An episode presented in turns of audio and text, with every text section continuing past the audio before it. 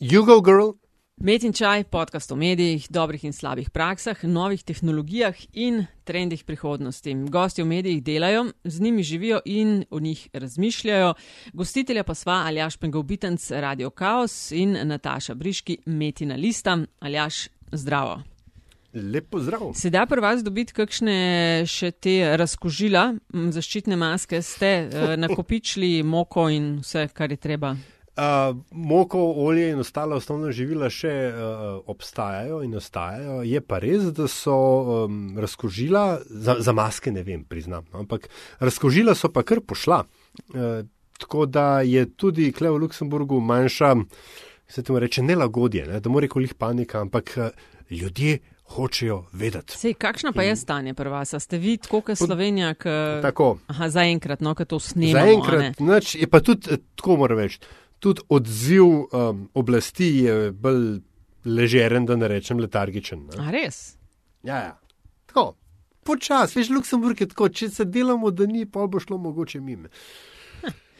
Za vse, za vse, tudi za razne teroristične napade v okolici. Ali oni pač dajo tako, pa mir, to, pa ajde, v redu, hvala, gremo dalje. No, niso pa šli mimo naju. Komentarji in predlogi, ki jih pošiljate, tako na info, afna, metina lista, kot na ključniku metin čaj ali pa, ko in če pod- podsukate naju na Twitterju, kjer sva afna pengovski in afna uh, DC43. Sva zelo hvaležna za to, uh, res za predloge, pohvale, kritike. Če imate čas, da nam kakšno oceno date, to je sploh zelo super. In uh, če se vam recimo zdi, da so naše vsebine vredne. In- Investicije, to pa sploh uh, kapo dol. Lepa hvala vsem, ki ste že in tistim, ki morda še boste. Uvod, Aljaš, pa bova danes v bistvu greva spet na fronto, ne? tako kot smo šli v uh, podkastu LDGD. Ja, zadnjem- zdaj gremo še na zelo bližje fronti. ne. Tako, še bliže fronti, ker z nami je Martina Repinc, eh, Kapo di Banda, Radio Trst in Slo TV. Radio Trst, a Martina si napisala. Radio Trsta, točno, lepo zdrav sem. Zdravo, kaj je ta A v tej? Ah, kaj je ta? To se ljudje vedno sprašujejo, nekateri povezujejo to z cono A in cono B. Ja, ker to so bila tista leta, huda leta, vroča leta, verjetno lepa leta. Eh, Je pa povezan samo s tem, da je v hiši, eh, se pravi, že je obstajal Radio Trieste, se pravi italijanski Radio Trst in ko so potem začeli z slovenskim radijem, so morali nekje ga eh, razlikovati. In je to postal Radio Trieste A in Lingua Slovena Radio Trsta, samo to je in nič s conami. Aha, ok. No, danes. Škoda, una zgodba je boljša. Ja, ja ali pa ne. Lej, danes bomo v vseh teh zgodbah obmejnih poklicala sva te tudi zato, ker želiva v metinem čaju a, mal več pozornosti dati tudi a, vem, lokalnim medijem in s kakšnimi izzivi se srečujete vsi, ki jih ustvarjate. Ne. A, je pa timing imamo pa sploh v narekovaju super, zaradi tega, ker se na vašem koncu pa res zelo veliko dogaja. Koronavirus je tisti, ki mu mediji po vsem svetu in tudi v Sloveniji posvečamo veliko uh, prostora, veliko časa, ti už pa povedala uh, vse za res, kako in kaj, ampak. Najprej, kot vedno, začenjamo metin čaj tako, da se nam gost mal medijsko predstavi. Tako da, dej ti tistim, ki te ne poznajo, mal povej, kaj si, uh, kaj znaš delati, kaj si delala. Udelala sem pa res vse sorte. Po fakulteti sem se vrnila v Trst, nekaj časa sem poučevala celo eh, na srednjih šolah, potem sem bila skoraj 8 let tudi spremljevalec oziroma vodič, delala sem v turizmu. Eh, Pol sem se približala medijem in se jim spet oddaljila za nekaj časa. Eh, Vmes sem skrbela za štiri nožce, Eh, se pravi, da sem imela eno podjetje, ki se je ukvarjalo v bistvu s preprodajo zdravil, hrane in vsega podobnega za male živali, predvsem za kuške in za muce. V tem času sem imela tudi svojo psarno. Eh, To so bili samojedi, samojedske sabake, to je ruska pasma. Eh, In potem sem se vrnila pač v medije, ko je bilo treba dobiti eno tako streho za vse skupaj in leta so minevala in sem prišla dokončno na RAI, se pravi na državno radio televizijo in sicer v Trst, kjer seveda obstaja kot ste povedali pravilno, od leta 45 Radio Trst A, od leta 95 pa tudi slovenska televizija. No, zaposlili so me kot urednico, režiserko eh, in potem pač nastane tako, da z leti se mogoče nekdo odloči, niti ne ti sam, da boš ti vodil to ekipo in to zdaj počnem jaz že deseto leto in imam ekipo super sodelavcev. Nas je skoraj 30 urednikov, režiserjev, administrativnega eh, osebja. Moram pa povedati, da je potem pri nas še ločena informativna redakcija, vedno slovenska, kjer je pa nekaj manj kot 20 kolegov eh, novinarjev. A, poleg teh 30. Ja, tako da vse Aha. skupaj nas je enih 50 uh, slovencev, in tukaj ustvarjamo pač uh, svoj program, se pravi Radio Trsta, vsak dan skoraj 13 ur oddaje, slovenske televizije pa manj, ker so jo dali manj, verjetno ker stane več. To je vsega skupaj 208 ur letno, kar pomeni, da imajo kolegi novinari vsak dan 20 do 25 minut informativnega programa televizijskega, e, na nas pade pa potem ena ura in pol tedensko, se pravi pol urce imamo posvečene otrokom oziroma mladini, običajno eno uro pa ali kakšne magazine, ali kakšne filme, dokumentarce, ki jih tudi mi sproduciramo ali pa tudi kupujemo od producentov zunanjih. Martina, in kaj stvari si počela? Ja. Ja. Sej sem za upenzijo, sem za upenzijo, vem, in ko mi čakam. ne, super zanimivo, tako da se zelo, pa se nisi, a si kmalo, je blizu penzije. Ne, ne, ne, žal ne. Ker sem začela žal, vse zelo zgodaj delati in pol. No, v bistvu ne trpim, uh, se pa ob ideji, da se penzija vedno bolj oddaljuje, pa normalno, da mal začneš razmišljati in trpeti, ker rečeš, kaj bo jaz le zdaj do kjerga leta, do 80 leta, ne vem, uh, obup je to, ker se oddaljuje. V bistvu ti ne gine. Ja, ja, tako. Um, kaj začneva, ali jaš kar takoj z ja. korono? Aha, no, pa deva, ja. Jaz sem sam to pomislila, mogoče, veš, da, da preden se lotva čist radija, da je povej iz Ljubljana ali pa iz Slovenije oziroma prek spleta, kar spremljamo, da nam ti povej na terenu, kakšno je res stanje čez mejo.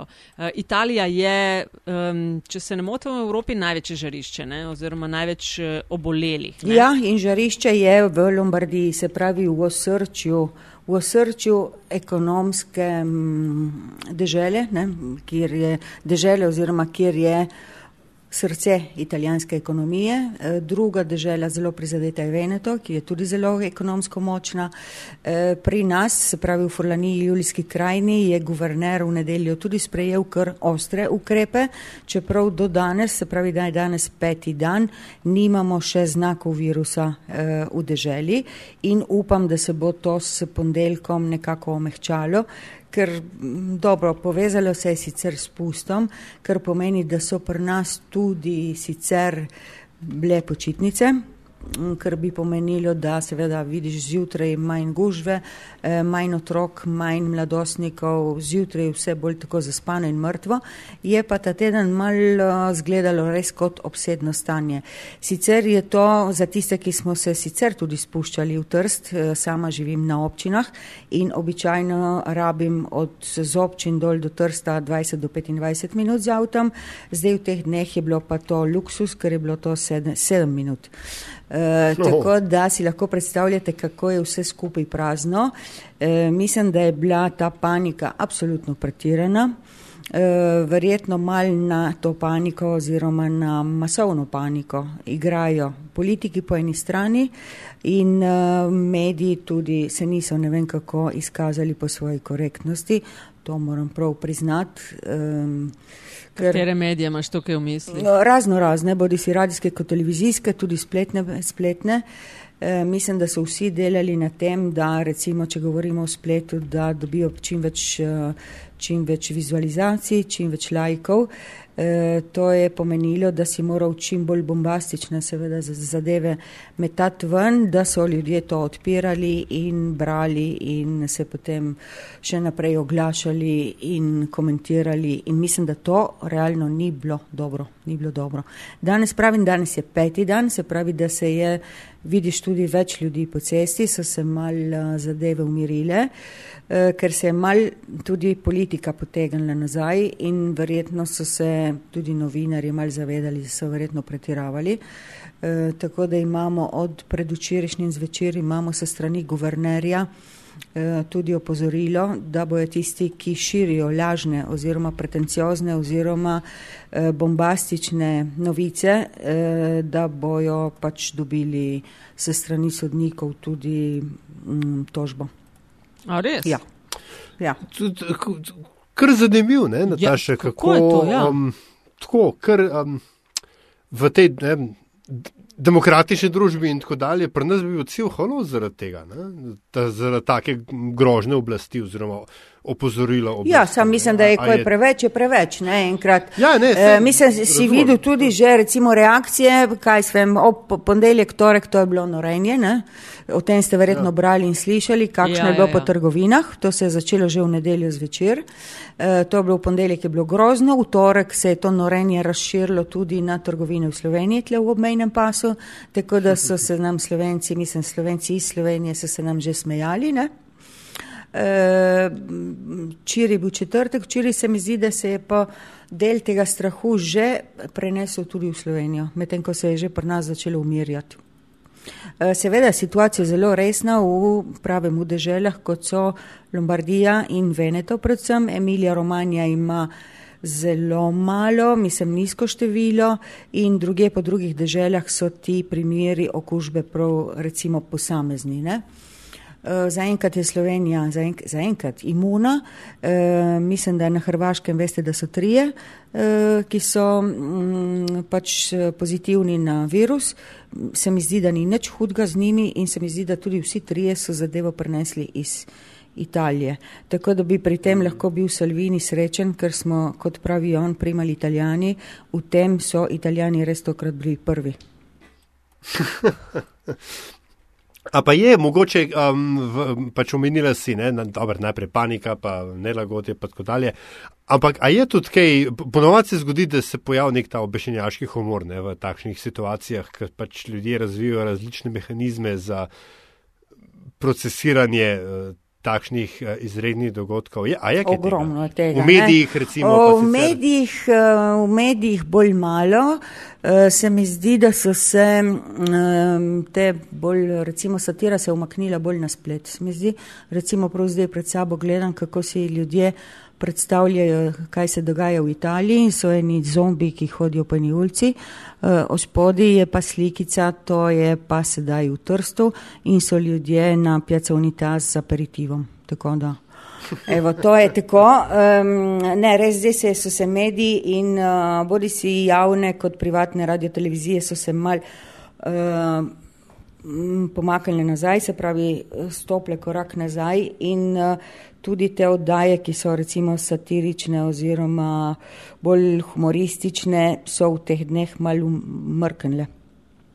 Hm, zanimivo. Ja, ampak tole, da bojo pa res, če bo kdo pretirano napenjal, ne, da ga lahko doleti kakšen mal strožji ukrep, to se mi zdi pa zanimivo. Nisem vedela, da je. Ja, mi smo recimo predvčerajšnjim zvečer je ena gospa objavila, ne vem, če je bilo to, verjetno bilo na Facebooku, uh, da je, da je v Trstu, da so štiri pač že okuženi, da tega iz bolnice nočejo sporočiti eh, in da se okrog Trsta zbira vojska in da nas bojo zabarikadirali. Mislim, to je izgledalo kot recimo žica okrog Ljubljane, tako nekako, ne?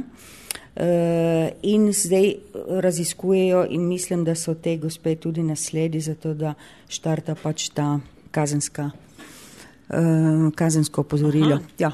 Tako, mislim, Skratka. nekateri uživajo v tem očitno. Ne? Ja, ja je, da, takšen občutek je. Ja. Se pravi, radio Trst A in televizija, ki jo uh, vodiš z ekipom, m, vi niste o tem, ste kaj veliko govorili o tem, te dni? Ja, imamo. Predvsem imamo na radiju veliko tega, zato ker pravim, imamo veliko programa, veliko programa je v živo, tako da smo imeli tudi v teh dneh razno razne odzive, tudi se strani predvsem strokovnjakov, ne? ker mislim, kaj s politiki itak nimaš kaj govoriti o tej zadevi, razen tega, da pač veš, da je guverner, je izdal tole.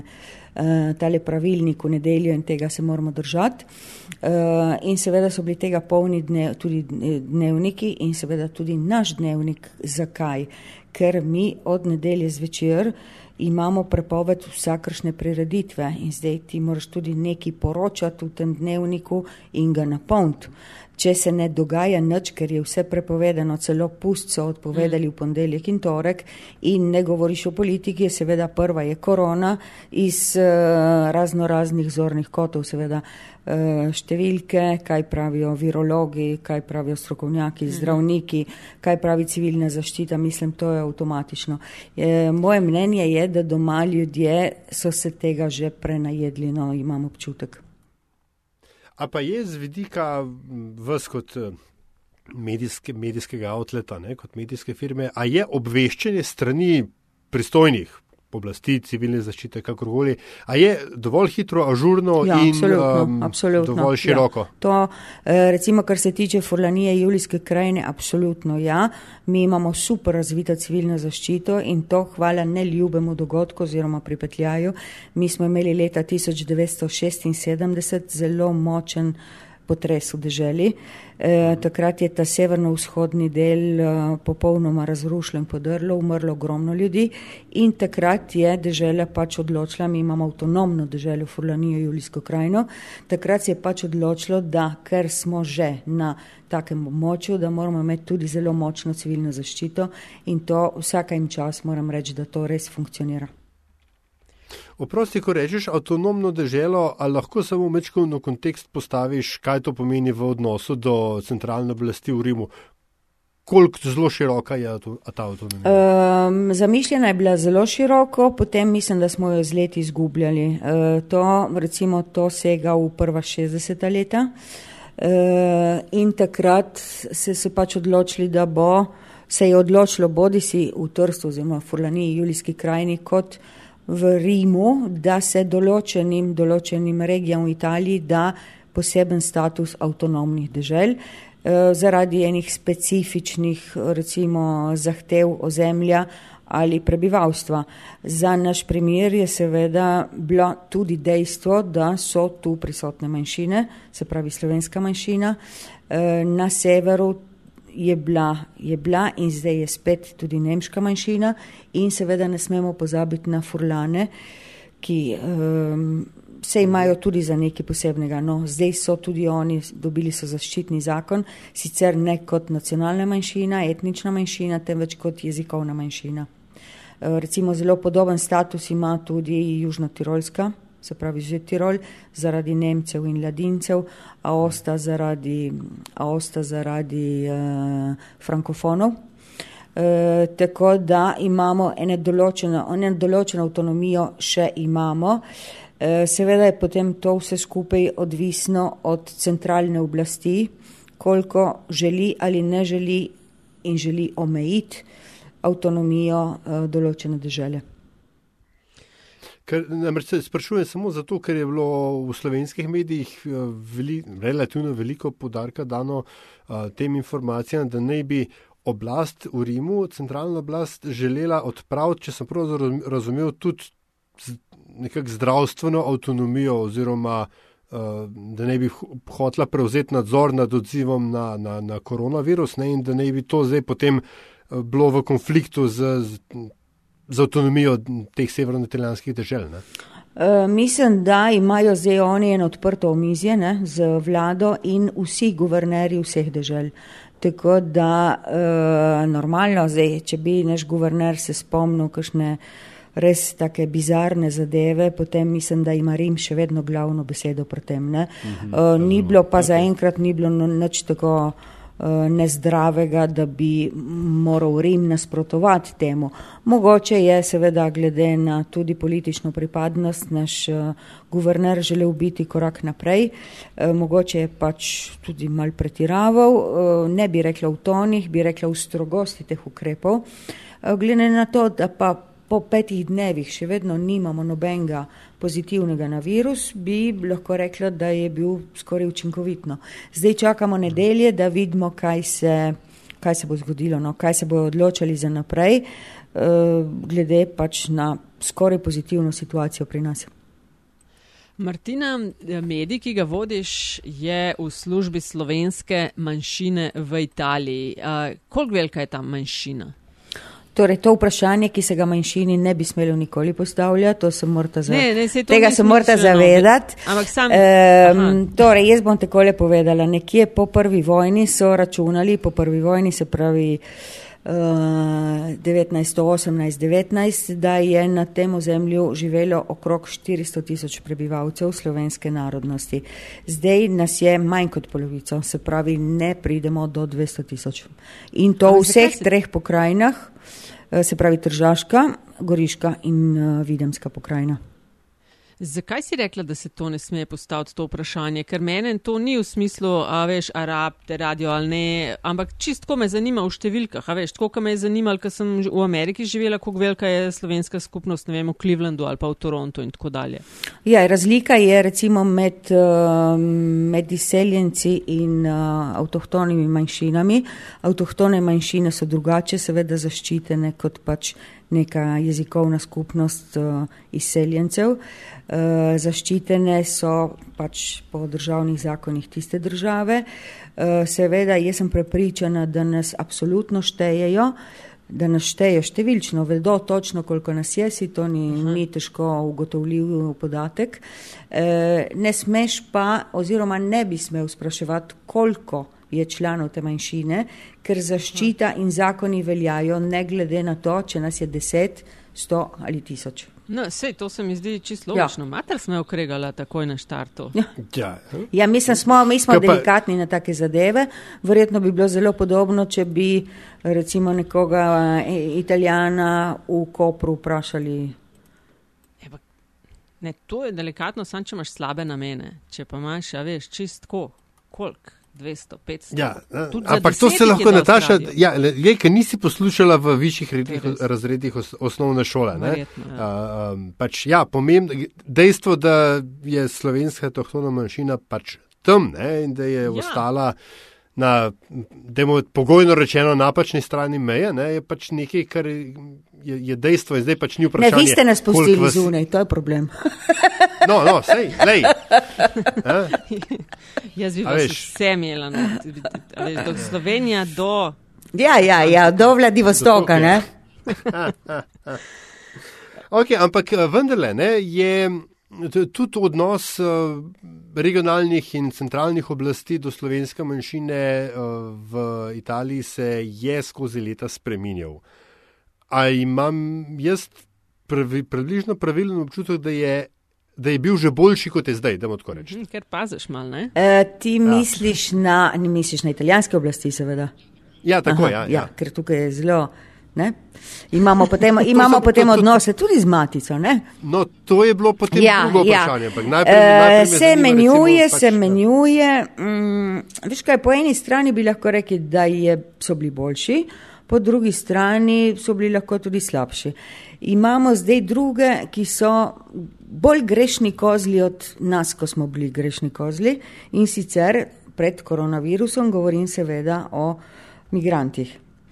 E, tako da, če smo bili recimo v letih 70 ali še prej, sem jaz tega prej se ne spomnim, če smo bili mi glavni sovražnik na terenu in mi krivi vsega, e, so zdaj vedno, e, recimo kot jim pravijo, ali ta črni, ali tisti bolj rjavi, mislim tisti, ki niso beli tako zelo. Eh, mi smo beli, ne? to je zdaj, če eden se hoče pokazati kot slovenca, se pokaže. Eh, drugače lahko tudi se pač prilagodi množici, govori italijansko in ne bo nihče vedel, da ti nisi od tle. Ne? To je razlika s temi, ki prihajajo. Eh, seveda, ti praviš strani oblasti. Jaz mislim, da nima pretirano slabega odnosa do nas. Uh, Italija pač je ena taka, jaz bi rekla, čudna država, ne? se je hecna po svoje. Ne? Vse ti vsega obljubljajo in potem po italijansko, čisto po italijansko, ti zelo malo tega potem uredijo in res zagotovijo. Če pa z njimi govoriš, tudi s skrajnimi desničarji, mislim, se uspeš vse govoriti in ti bojo vsega obljubljali. In krasno, vse smo vsi prijatelji. Pol preden pride pa do ene konkretizacije teh besed, do tega pa daleč. Ne? Ja.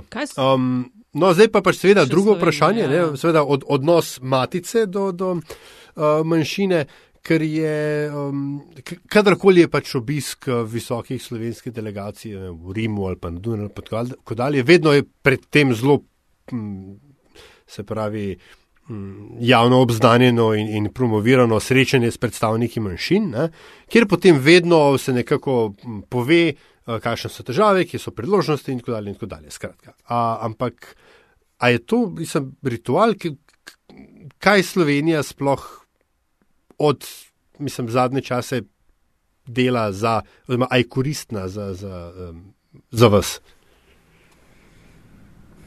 Koristna.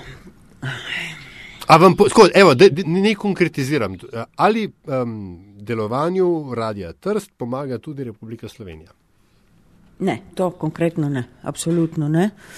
Um, Slovenija lahko v tem primeru, bi lahko v tem primeru mogoče izvajala uh, kakšne rahle pritiske, glede na to, da pač mi imamo nedoločene težave, ker delujemo po pogodbi med ministerskim predsedstvom in vlade ne, Italije in podjetjem RAJ. Zdaj te pogodbe se iz leta v leto podaljšujejo, v bistvu pa že dolga leta ni nobene izboljšave in uh, v bistvu, če nimaš izboljšav, potem avtomatično nazaduješ. Uh, v tem primeru Slovenija mogoče kakšen korak bi lahko naredila. Sam mislim, da je uh, interes Slovenije primarni sedaj ta, da se poskrbi za predstavnika, predstavnika slovenske narodne skupnosti uh, iz Furlanije Julijske krajine v Rimu kot predstavnika političnega.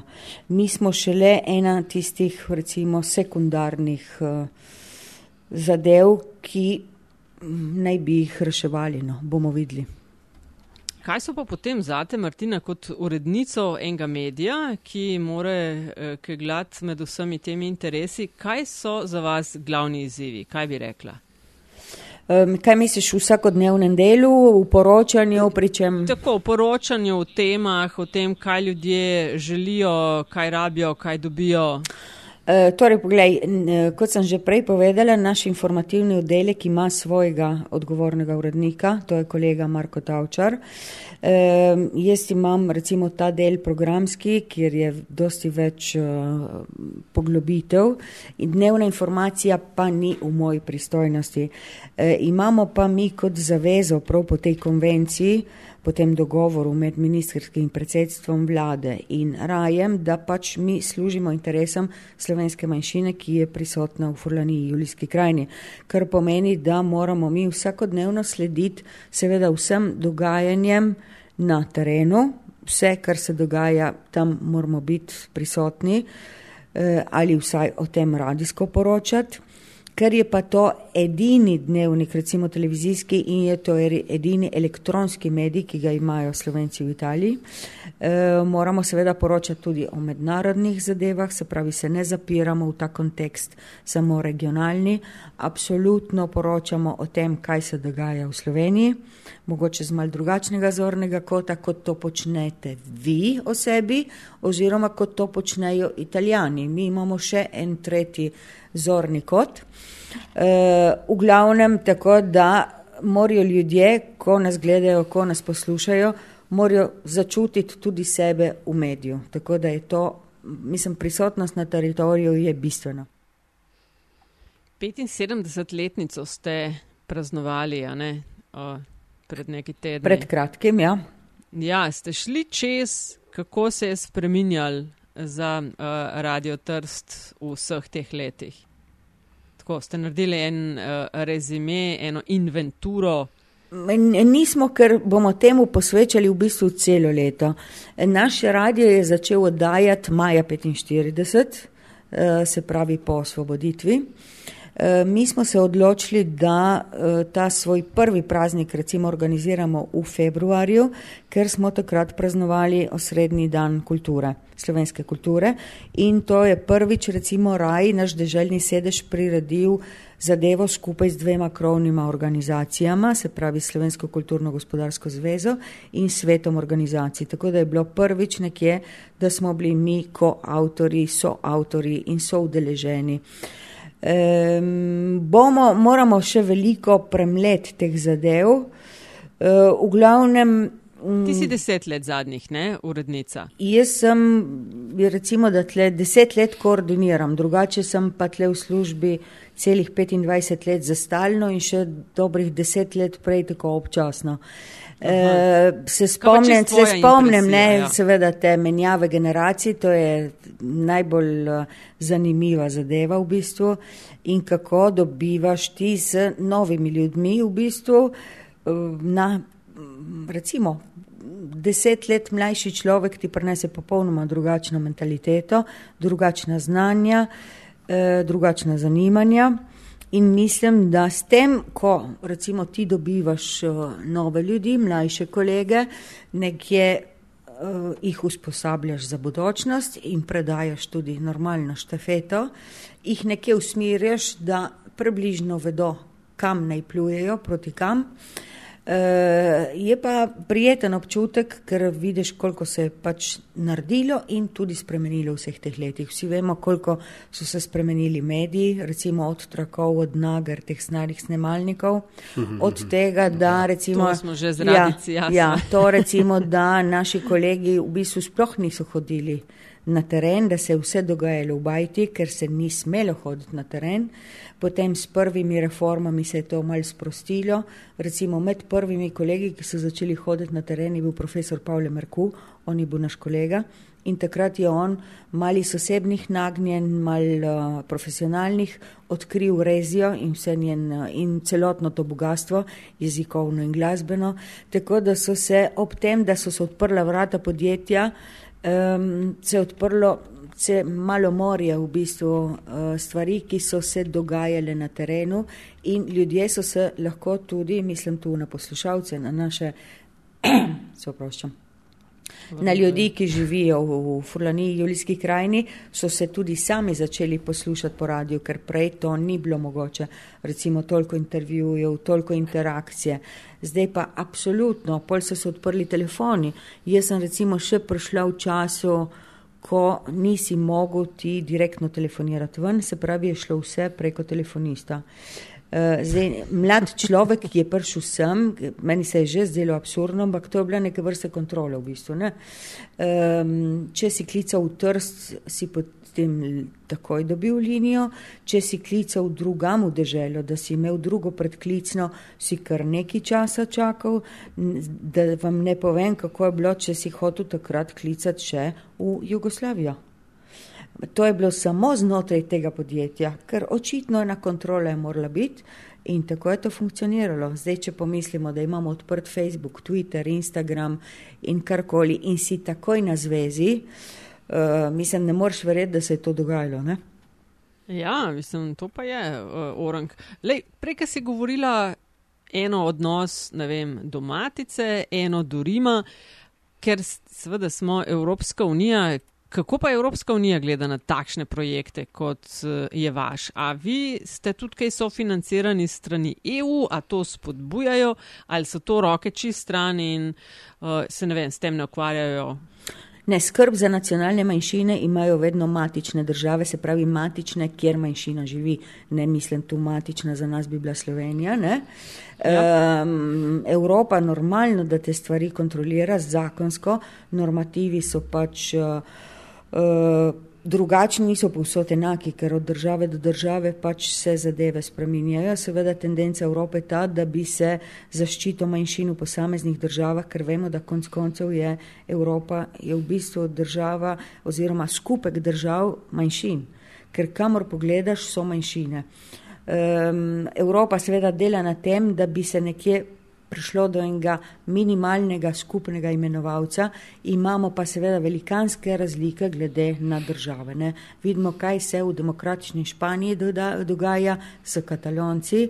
Um, na, imamo pa na drugi strani, imamo recimo Švedsko, ki ima stvari krasno urejene. Mi smo nekje tam na sredini, vprašanje, kaj bi bilo, če bi mi rekli, da hočemo biti avtonomni in samostojni, ne? to bi bila hecna zadeva. Uh, jaz lahko gledam, recimo, da bi vi kot mediji hoteli. Ne, ne, ne, kot slovenci v Italiji. Uh, da bi bili kot Katalonija, si predstavljaš, ne? Seveda. Uh, jaz gledam recimo na kolege v Kopru oziroma tudi znance, prijatelje, italijane, ki živijo v Kopru in imajo verjetno hvala prejšnjemu režimu boljše izhodiščne pogoje, kot jih imamo mi izhodiščne pogoje.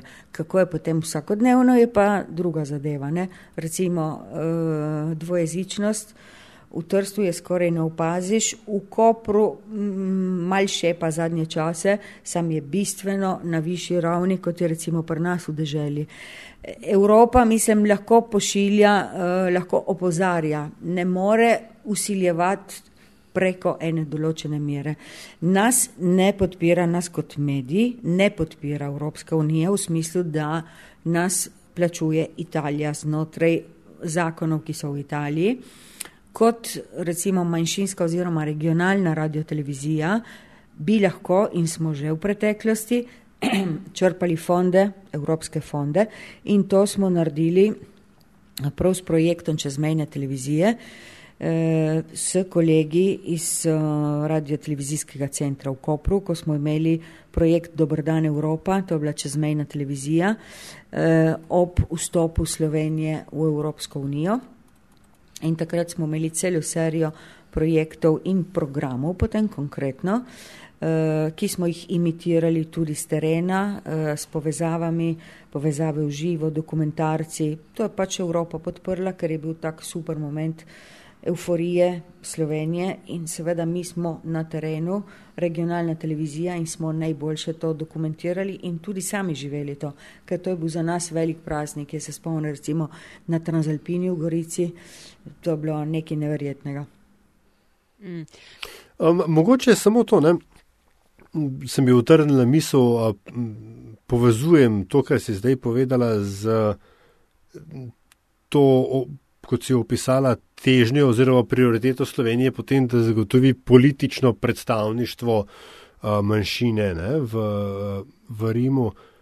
Um, a je mogoče z vašega stališča se Ljubljana tega lotila na napačnem koncu? Ker, če sem prav razumel, je tisto, kar najbolj utrjuje slovensk, se pravi, zave, zavest o pripadnosti slovenske tohtorju mašini, jer so ravno slovenski mediji, oziroma slovensko govoreči mediji. Ja, sam zelo pa pomaga, seveda, če imaš ti eh, nekoga iz dežele, mislim slovenca iz dežele, da je v Rimu, je prisoten in lahko potem.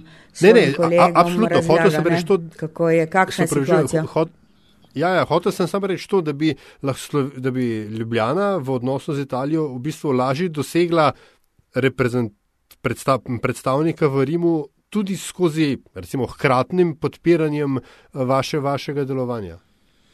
Ma to je. To je malo, ja, okay, to je malo ja, igra, mogoče, ja. igra hipotez, ne, se mi zdi, ker v ja. Italiji zdaj morajo, mislim, se moramo še odločiti, kateri volilni sistem bomo imeli. Uh, Uh, ob tem se tudi odločamo, oziroma to je večno naše vprašanje Slovence v Italiji, uh, ker smo bili vedno tako razdeljeni, da so nekateri, oziroma smo nekateri volili italijanske stranke, v glavnem seveda levičarske, uh, nekateri so pa poudarjali ali smo poudarjali, da moramo imeti svojo samostojno stranko. Uh, kako prideš do številk, to je zdaj vprašanje, ker je že država tako majhna naša, eh, da bojo morali paziti tudi italijanski, recimo politiki, kako se bojo dokopali do Rima. Toliko teže mhm. pa seveda, glede na številčnost oziroma na majhno število, kako bomo mi prišli do Rima, se pravi en naš predstavnik in pri tem v bistvu manj važno, s katero stranko. Čeprav vemo, da, čeprav vemo, da eh, v glavnem smo mi dosegli svojega predstavnika vedno s levičarskimi strankami, eh, nikoli z desničarskimi. Eh, Prav nikoli, nikoli, nikoli ne, da bi šel kdo v Rim, ne, ker si ljudje sploh niso uh, tega mislili, da bi sploh kandidirali z desničarji. Mislim, desničar tebe ne bo izbral in ti ne boš izbral desničarja. Je, uh, ni, niste glih za Salvinije tega sveta. Mi imamo, vemo, da imamo, ker to je, mislim, uh, imamo podatke, da je tudi veliko ljudi. Uh, sedaj voljivcev Severne lige in uh, seveda uh, pet, petih zvezdic, eh, vendar eh, ni predstavnikov ni znotraj teh skupin. No. Uh -huh. uh, mogoče še tole, lej, kako pa sodelujete z slovenskimi mediji, ki so v vaši bližini? Ne? Se umenila si tale center v Kopru, a ste to tako, se jemljete kot konkurenti ali delate skupaj? Uh, tako je, recimo zanimivo je, da je bil Radio Koper slovenski Radio Koper, je bil ustanovljen kot eh, recimo naša konkurenca. Ja. Ker takrat je bil Radio Trsta Bev, tako imenovani Bev, um, in smo bili na tej strani meje. In so potem rekli, ok, če ima v Trstu Bev radio, potem mi moramo imeti ta pravga rdečega na drugi strani.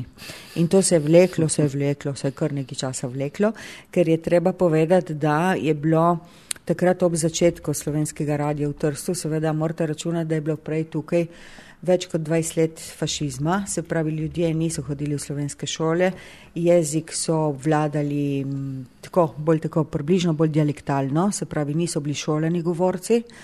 Um, tako da je takrat, ko je bilo potrebno stopiti pred mikrofon, so v glavnem prišli iz uh, Jugoslavije. Eh, nekateri so bili pač, uh, nekatere je poslal mm, režim, takratni jugoslovanski, uh, drugi so pa zbežali iz Jugoslavije in so bili to emigranti, tudi politični, uh, in so pač kar nekaj časa vodili tale radio, tako da je kot reakcija temu potem nastal Radio Koper. No, tega se na Kopru se še kdo spominja, zdaj mislim, ti časi so šli mimo, generacije so se zamenjale. Eh, mi imamo s Radio Televizijo Slovenija, imamo od leta 1999 sporazum o sodelovanju. Mislim, to sodelovanje je bilo že prej, sam ni prišlo do podpisa takega uradnega akta med Rajem in med RTV Slovenijo. Eh, da imamo v bistvu vsakodnevno sodelovanje. Kaj to pomeni? Da si tu izmenjujemo materijale, izmenjujemo si oddaje, seveda, kjer ni problemov s avtorskimi pravicami, tisto rešujemo drugače in vsak zase. Ker so pa te recimo informativne poglobitvene oddaje, to si komod mi lahko izmenjujemo, bodi si radijske kot televizijske. E, dogaja se tudi, da si pomagamo pri, z ekipami, recimo, če nekomu manjka ekipa, si potem izmenjamo sliko. E, dogaja, ja, dogaja se tudi, da ne vem, če moraš nekoga posneti v Ljubljani, prosim jaz kolega v Ljubljani, če mi lahko neki ur da na razpolago studio in obratno. E, tako da to sodelovanje na dobri ravni. E, seveda, Koper je toliko bližji in z njimi imamo pa prav skupne oddaje, se pravi, enkrat mesečno ustvarjamo skupno televizijsko oddajo in to je zanimivo, ker so v bistvu štiri uredništva, slovensko-italijansko v, v Trstu in slovensko-italijansko v Kopru in skupaj imamo uh, mesečni Klinks magazin, pri katerem vsak prispeva en, en, en kos tega magazina. Recimo. In gre potem ista zadeva popolnoma v slovenščini in popolnoma v italijanščini, v eter. Fino. Ja. Ja, to so projekti, na katerih lahko v bistvu gradiš. Seveda pri televiziji je lažje to, tudi jezikovno govorim, ker eh, ti ostane slika in pol se vemo, dubliraš ali podnapišeš, slika ostane ista. Pri radijskih zadevah je seveda ta stvar eh, medjezikovna težja.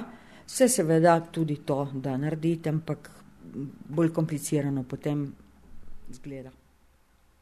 Kako pa recimo ste, da rečem, se soočali z pojavom novih tehnologij? Ne? Dan danes pač skoraj ni radijske postaje, ki se ne bi tako ali drugače ukvarjala tudi z videoprodukcijo. Um, ja, vprašanje, pri, tem, vpraša, ja, ja. pri tem mi plačujemo dejstvo, da smo regionalni center, se pravi, da so v Rimu super opremljeni, mi capljamo za njimi. Um, smo si pač počasi, ne prihajamo na isto. Uh, imamo velik problem recimo s svojo spletno stranjo, ker ni absolutno, um, ni ažurna, ni aktualna, je zastarela zadeva. Uh, o tem je bilo veliko govora in pogovorov, kot sem prej rekla, ko govoriš uh, recimo z italijanom, ti bo vedno vse rekel, da, ja, da je vse v redu, da bo vse zrihtali, potem se običajno vrne v Rim in pozabi na te in na tvoje potrebe. Tako da je to recimo spodbujanje z naše strani mora biti kar utrudljivo. Morate rešiti z drugimi besedami. Ja, nekje, da jim stalno pošiljaš maile in mi bi rabili to, in mi bi rabili to, in mi bi rabili to. Zdaj nas je, predtem nas je močno ustavil ta korona, ker pač zdaj je samo to. Ne? Zdaj mi imamo tudi znotraj podjetja, mimo tega, ker so tem.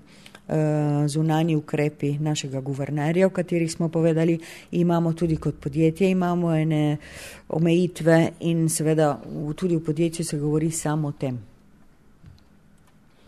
Ker je pač dosti ljudi zaposlenih, recimo nas na sedežu je uh, 200, uh, zdaj računite v Benetkah je tudi sedež, ki je zelo izpostavljen, ker je tudi veliko kolegov, v Miljanu je tudi zelo močen sedež. Uh, in Rim seveda nadaljavo potem upravlja to emergenčno stanje tudi za te dežele, kamor pa seveda oni ne bojo in niso stopljene, rimljani. Hmm.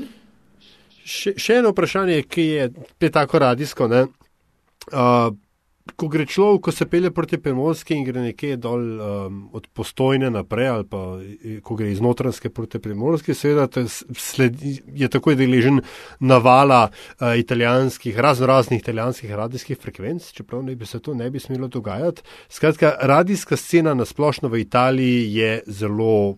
Gosta, gosta, gosta in bogata postaj, in neurejena. Tako, neurejena, bi tako. rekla jaz. Ne? Uh, kako, vi, kako, kako se vi s tem soočate, ker v končni fazi nekdo vas vendarle mora poslušati ali pa poslušajo tudi druge. Ne?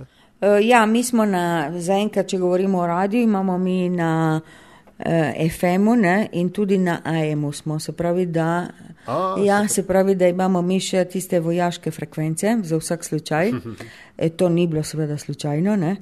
Ker so ti uh, AM frekvence so bile tudi čezmejne, tudi zato, ker se, če gremo nekoliko nazaj v zgodovino in na to naše politično stanje, eh, te oddaje, ki jih naši italijanski kolegi eh, pripravljajo tukaj v nasedežu, so namenjene, del teh oddaj je namenjen tudi italijanom v Istri in v Dalmaciji, kar pomeni, da moramo imeti mi take frekvence in oddajnike, da krijejo tudi to področje. Mislim, da se zdi skoraj, kot če bi bili v časih eh, hladne vojne ampak eh, mi smo še pri tem. Mi smo še pri tem. Tako da, če nas slučajno na FM-u ne dobite, nas dobite sigurno lahko na AM-u, ker je eh, vojaška tehnologija še vedno funkcionira in tista od druge svetovne vojne. E, je pa res, da je naša dežela je zelo razgibana, mislim orografsko, tako da se včasih zgodi, da se zgubi signal, predvsem zato, ker mislim, do kanalske doline, gor do Trbiža je kar nekaj takih krajev, ki so težko dosegljivi. Uh, in potem dobivamo seveda telefonske pozive oziroma maile, lejte pri nas danes ne funkcionira, ne dela uh, in imamo potem celo skupino tehnikov, ki se lovi po terenu in urejuje te zadeve. Eh, te čezmejne, ja, te čezmejne, čezmejne frekvence oziroma vstope, veste, da je bil pred kratkim tudi problem oziroma je še vedno nerešen problem italijanskih oziroma frekvenc italijanskega radia Koper. Eh, ki sega veliko čez mejo, se pravi, sega do Veneta, Emilije, Romanje. Eh, in seveda to, eh, o tem ni bilo nikoli govora. Zdaj bojo verjetno bodo zadevo uredili, je normalno, je pa normalno, da če se italijanski radiji segajo v Slovenijo, tudi slovenski, čeprav v italijanskem jeziku, segajo tudi v Italijo. Tako da tega se moramo eni in drugi zavedati in si malo pogledati pod prste oziroma malo boljše urediti zadevo.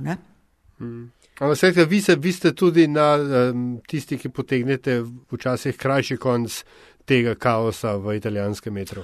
Ma ne bi rekla, ker zdaj imaš vsekakor, recimo imaš tudi, uh, imaš tudi spletni, mi smo tudi na spletu prisotni. Uh, in uh mhm. -huh. imamo podkaste. In um, recimo, da je tega nekdanjega poslušanja radia, po mojem, bolj malo. Uh, jaz vem, da so bile, jaz recimo, sem že povedala, živim na občinah in nek, poleti si recimo hodil po občinah in si slišal povsod ljudi, ki so poslušali radio. Mislim, da je zdaj ljudi doma tudi manj, zato ker. V glavnem smo vsi po službah, eh, recimo gospodin, kot jih je bilo nekoč, vedno manj. E, mislim, da se radio posluša v glavnem po mm, interesnih. E, Po interesnih v bistvu skupinah, tako da ti lahko na podkastu oziroma na arhivu potem zbiraš tiste vsebine, ki te zanimajo, oziroma v avtu, po mojem, se posluša. Um, tako da je klasični radio, klasični radio, tudi klasični radio ni več tisto, kar je bil, ker tudi mi, ko ustvarjamo vsebine, jih ustvarjamo tudi vedno tako, da so potem poslušljive recimo tudi z drugačnim ušesom, se pravi, uh -huh. uh, se pravi na spletu, ko ti podkastiraš zadeve. E, vemo, da je na podkastu mm, recimo srednja minutaža poslušanja 4-5 minut, e, ne zdržiš dosti dlje. Tako da veš, da moraš pač v tiste minutaže skoncentrirati tisto, kar je bistvo tvojega sporočila in se mhm, temu mhm. prilagoditi. Ne? E, tako da so tudi te govorjene vsebine na radiju so recimo v primerjavi čop, čop. z leti, kaj se vem, z leti 60-70, so krajše, veliko je glasbe, so drugače porazdeljene in mislim, da se počasi potem tudi različne generacije poslušalcev uh, privajajo na tak drugačen radio. No. Uh -huh. A, mogoče, a imaš ti še kaj, Nataša, v tem zvezi? V bistvu sem hotel sem vprašati, če Beti še pri vas. Beti Tomsič. Beti je bila konkretno prav kolegica naša, tukaj na programskem ja. oddelku, se je pa zdaj preselila kolegom v novinarsko redakcijo. A, okay. Ja, tako da sledite news. Ja. ja, ja, ja. ja. No, jaz sem pa v bistvu hotel, sem pa zdaj, ker gremo verjetno proti koncu, ne, Nataša? Ja se hodil v, pa vendarle še uh, nekaj vprašati, mečkam bolj um, težkega. Ja, težkega in generalnega. Um, sama si omenila, da je pač ta, um, da so ostaline fašizma uh, še vedno pač prisotne uh, tam dol pri vas, da, ste, da, da so slovenci iz naslova tega, da ne, smo evropejci zdaj načeloma bolj spremljivi kot. Eh, migranti, ki prihajajo iz drugih delov eh, sveta, ampak s pojavom Severne lige, z Kazapound in tako dalje, a je se kakšen občutek nelagodja vrača, je morda že vse čas tam bil, samo manj izražen, na, z, z vašega vidika? Ja, zdaj, če pomislim jaz recimo na svoje študentska leta oziroma dijaška leta, ker študentska leta sem bila potem v Ljubljani, um, se pravi, govorimo o 70-ih, 80-ih letih. No, takrat v Trstu recimo na drevored 20. septembra, to je vjale 20. septembre, kot slovenci rajši nisi šel, uh, ker so se tam zbirali desničari, prav tisti, bi rekel, grdi, ne? Uh, in si bil res v nevarnosti, mislim, ti je bilo res neprijetno se sploh tam sprehajati. Razlika v tem, da se mi zdi, da se je zdaj s, s temi spletnimi mm, platformami, se je vse nekje preselilo na splet, veliko je tega sovražnega govora. Eh, ki ga pa drugače po mestu težko doživiš. Eh, razen seveda, da nimaš prav manifestacije ali zbora desničarjev, kazapavnt. To se tudi zgodi. Recimo temu smo bili priča pred kratkim na občinah, ko so nam polepili te plakate prav kazapavnt. Eh, in to v slovenski vasi normalno. Je pa tega tako, recimo kot slovenc, mirno hodiš po trstu, se sprehajaš, govoriš slovensko in te, se ne bom nihče niti obrnil mislim, 30-40 let nazaj ni bilo tako. Uh, je zdaj hudo, recimo, bolj s temi hatersi spletnimi. Seveda stvar obstaja, je drugačna percepcija, drugače, drugačne, drugače se vidi to stvar, drugače se občuti. Meni se ne zdi, da bi mi zdaj doživljali kakšen povratek kakšnih temnih, mračnih sil in da bi se mi kot slovenci bali recimo tega, da se sprehajamo po trstu. Ne, absolutno ne. Seveda, ko imaš potem 10. februar, se potem na Bazovici oziroma gor pri, pri Šohtu v Bazovici se potem zbirajo seveda eh, ti častivci, častivci teh fojb eh, iz cele Italije, nekateri so prav grdi za jih pogledati. Eh, večina teh ljudi pa nažalost, zdaj ne govorimo o Trstu, govorimo o celi Italiji, v bistvu ni informirana o tem, kaj se je v teh letih dogajalo in kaj se je prej dogajalo.